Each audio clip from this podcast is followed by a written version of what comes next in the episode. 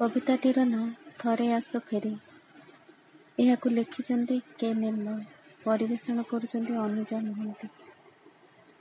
ମୟୂର ଚନ୍ଦ୍ରିକା ଖୋଜିଛି ତୁମକୁ ଫେରି ଆସ ମୋ କହ୍ନାଇ। ଗୋପପୁର ଲାଗି ଖାଁ ଖାଁ ଖାଲି ତୁମ ବାଟ ଅଛି ଚାହିଁ।